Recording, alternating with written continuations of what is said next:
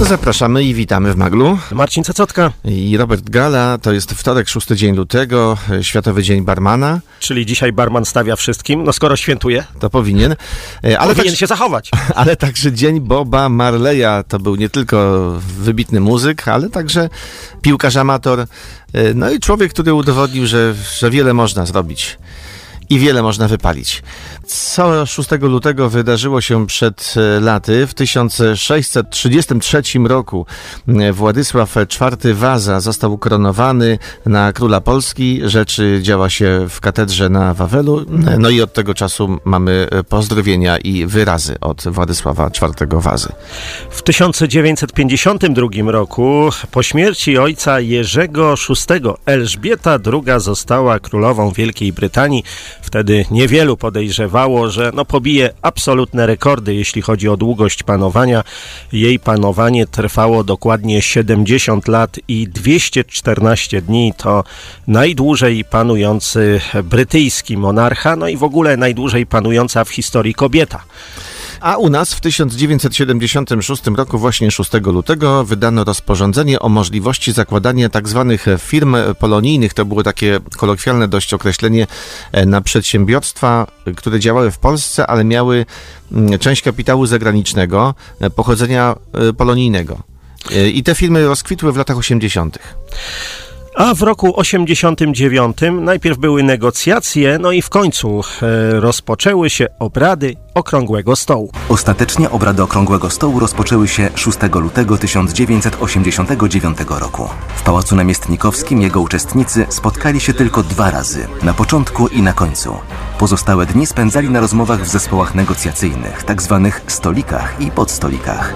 W rokowaniach wzięło udział w sumie ponad 700 osób. Najważniejsze sprawy uzgodniono podczas mniej formalnych spotkań w ośrodku MSW w Magdalence pod Warszawą. Tak, o tej Magdalence wiele się mówi do dzisiaj. Że tam to się działo, tak, tam, tam to się ustalało. Tak, ustalało się, trochę się wypiło. Ciekaw jestem, czy dzisiaj by się sprawdził taki okrągły stół.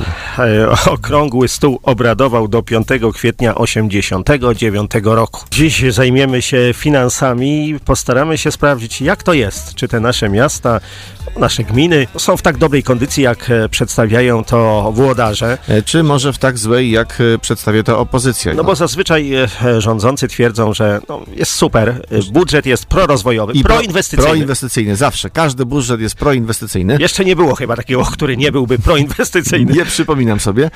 A opozycja twierdzi, że... No, do niczego to jest. Że to jest do niczego, że grozi nam w zasadzie komisarz, że prawie bankrutujemy. Mm, no i jeszcze krok i już w ogóle... I koniec, jesteśmy krok od przepaści. No i proszę Państwa, my dzisiaj będziemy starali się sprawdzić, jak to z tą finansową kondycją naszych miast jest. Czy takie miasto inwestuje w swój rozwój? Czy no widzimy właśnie. to? Czy to widzimy na co dzień, czy jednak jest zupełnie inaczej? Podsumowań rankingów e, zadłużenia jest e, wiele. Jak wypadamy? To zależy w jakim, bo e, jest taki ranking e, przygotowywany przez Krajowy Rejestr Długów, e, ale on nie dotyczy poszczególnych miast, tylko mieszkańców danych miast, mieszkańcy, w którym regionie Polski są najbardziej zadłużeni.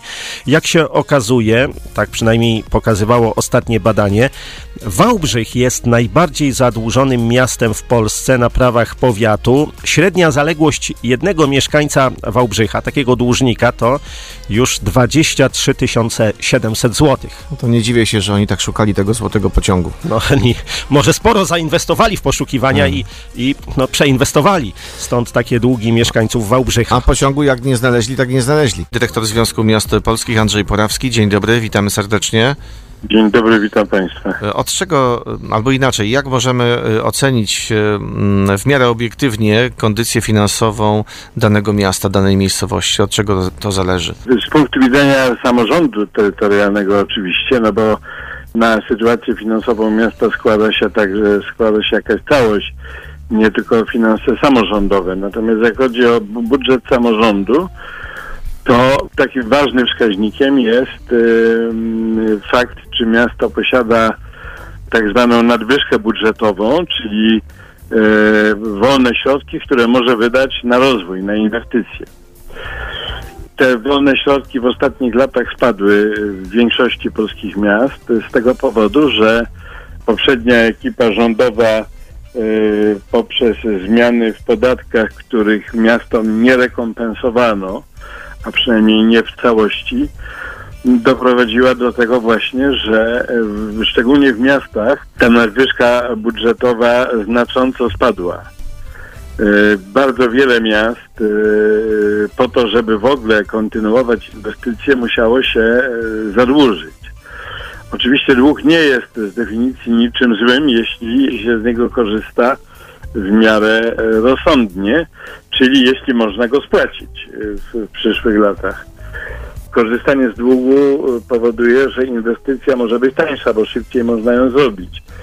Natomiast y, niestety ta sytuacja jest tak zła w niektórych miastach, że ten dług jest y, brany po prostu po to, żeby można było kontynuować zaczęte inwestycje. Natomiast trudno czasami myśleć o nowych. To prawda, a czy dysponujemy takimi danymi, ile tych polskich miast, tak mniej więcej procentowo, ma tą nadwyżkę, a ile jednak no, musi posiłkować się kredytami, jak pan powiedział? No mamy te dane, z tym, że dane za rok 2023, który tutaj jest kluczowy, nie są jeszcze przekazane przez Ministerstwo Finansów. One już są. Czekają na podpis y, pani minister Majszczyk w tej chwili. Myślę, że w najbliższych dniach je otrzymamy. Natomiast y, poprzedni rząd wprowadził jeszcze jedną zmianę w przepisach, mianowicie y, w związku z tym, że widział, że ta sytuacja finansowa się pogarsza, wprowadził możliwość uchwalenia niezrównoważonych budżetów.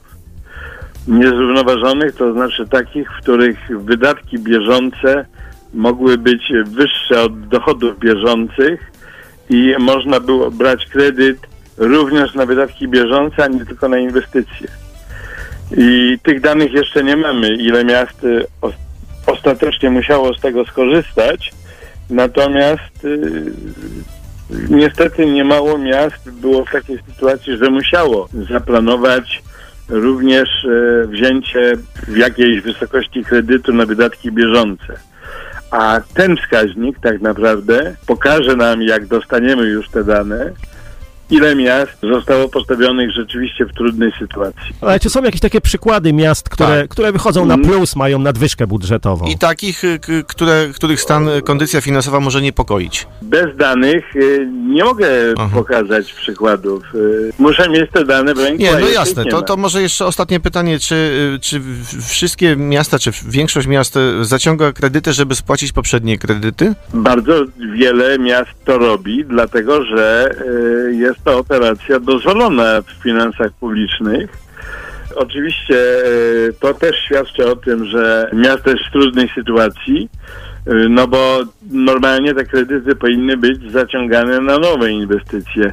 Natomiast czasami spłata kredytu zaciągniętym kredytem się opłaca, ponieważ w zależności od momentu, w którym się tą operację prowadzi, można na tym zyskać, ponieważ ten nowy kredyt może być na korzystniejszych warunkach zaciągnięty niż poprzedni. Dziękujemy panu bardzo. Andrzej Porawski, dyrektor Związku Miast Polskich był w Maglu. Dziękujemy serdecznie. Dziękuję, do widzenia. Do usłyszenia. Dziś o zadłużeniu naszych miast. Dzień dobry. Dzień dobry, Marcin Pietra. Szanowni Państwo, ja mam tutaj takie, takie refleksje. Czy, czy gospodarz, który e, każdy rok kończy na minusie, który każdy rok rozpoczyna z planem zakończenia go na minusie, e, który by dotrwać do kolejnego roku musi zaciągać kredyty, który jak sam stwierdza, te kredyty będzie spłacał nowymi kredytami i który w, zale- w przeciągu zaledwie kilku lat podwaja, swoje, y, podwaja zadłużenie naszego miasta, to jest dobry gospodarz takie pytanie stawiam słuchaczom. I czy ktokolwiek z Państwa zaciąga w swoim gospodarstwie domowym nowe kredyty na spłatę poprzednich?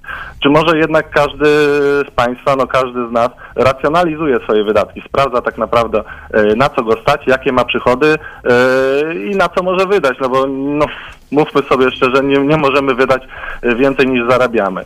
No niestety mam wrażenie, że no, nasze miasto nie ma szczęścia i przyrosty długu są delikatnie mówiąc E, w mojej ocenie niepokojąca. Jak powiedziała pani skarbnik, poprzedni rok zakończyliśmy na minusie 59 milionów, obecny zakończymy według planów na minusie 57 milionów. No strach myśleć, co będzie e, w kolejnych latach, a już wiemy też ze słów pani skarbnik, że ogólny dług na tą chwilę to jest około 160 milionów, czyli no, tak mówiąc wprost, 2,5 tysiąca na każdego Piotrkowianina. no to nie są dla nas, uważam, a przede wszystkim dla naszych dzieci y, dobre prognozy. Ale takie pytanie zadaję, rzucam w przestrzeń. Ciekaw jestem, kiedy to ciągłe zadłużanie się skończy? Kiedy będzie ten kres i kto to wszystko spłaci? No i przede wszystkim komu? No, I zastanawiamy się, u kogo się tak wszyscy zadłużają, skoro miasta się zadłużają, państwa. Tak, ale wie pan, panie Marcinie, rozmawialiśmy z ekspertami niezależnymi e, i oni twierdzą, że w zasadzie nie ma dziś miast bez No, z nielicznymi długów, wyjątkami. Z bardzo nielicznymi wyjątkami. I tak jest na całym świecie. To nie jest Okej, tylko ale y, przypadłość to- to jest Piotrkowa. Dług za długiem, kolejny dług, dług, dług, dług. No kiedyś to się musi skończyć. No czym? Bankructwem? No nie życzę tego żadnemu z miast, ani naszemu, ani żadnemu w naszym kraju. No, przecież w perspektywie dłuższej patrząc, no bankructwa wszystkich miast, bankructwa kraju, no to będziemy, no... no Argentyną. Do, No, do Grecją, pana Argentyną. Henryka kolonią niemiecką, tak? Dziękujemy bardzo. Dziękuję. To był pan Marcin. E, Proszę państwa, no, rozmawialiśmy z niezależnymi eks- ekspertami, jak zwykle zresztą w Maglu. No i no, oni nas przekonują, że zdecydowana większość miast na całym świecie to są miasta zadłużone. Tak, Łódź będzie w absolutnej czołówce e, zadłużonych polskich miast. E, 5 miliardów 200 milionów złotych. Takie będzie zadłużenie na koniec tego roku. Planowane, bo to jeszcze oczywiście może się powiększyć. A liderem tutaj jest e, Kraków, ale nie ma się z czego cieszyć e, za bardzo. W tym rankingu nie, no. Tak. My w tym roku mamy planowany przychód e, 618 milionów, e, A wydatki 675. czyli deficyt to jest 57 milionów złotych. Halo, dzień dobry. Dobry. Witamy i słuchamy pana. Apeluję do wszystkich podkopywaczy fotelu pana prezydenta Chojniaka, albowiem, albowiem powiadam wam, daremny trud i pieniądze. W obecnych wyborach Chojniaka nikt tego fotela nie wysadzi. Pozdrawiam wszystkich. E, Dziękujemy bardzo. No są tacy, którzy mają taką cichą nadzieję, że tak się stanie. No, cichą, Ale na razie cichą, bo się nie ujawniają. Na razie cichą, bo się nie ujawniają. Może To nie, rzeczywiście wyjątkowo cicha. niebawem ta nadzieja stanie się głośna. Jutro też temat związany z naszym lokalnym samorządem, bo jutro dokładnie pozostaną nam dwa miesiące do wyborów samorządowych, przynajmniej do tej pierwszej tury, No i nie będziemy może pytać, kto powinien zostać prezydentem. To pytanie sobie jeszcze zostawimy. bo na razie nie ma kandydatów. Tak, ale zapytamy e, o pracę naszych Jak państwo ich oceniają? Tak, może trzeba będzie, no, chyba już wyle, wypadało podziękować niektórym radnym tak z imienia i nazwiska za, za wkład, za trud, za wysiłek, no za to wszystko, co dla nas zrobili. Za aktywność, no i za to, że e, tak często i ochoczo zabierali e, głos. A wiemy, że w Piotrkowie mamy 23 radnych e, i proszę Państwa, z takich oficjalnych danych wynika, że 13 z nich nigdy nie zabrało głosu. Znaczy w ogóle może zabrało, ale nie na sesji. Na Pan do przykład. kolegi coś, Tak. do cześć, co tam u ciebie słychać. No może są dobrze wychowani. O tym jutro w Maglu.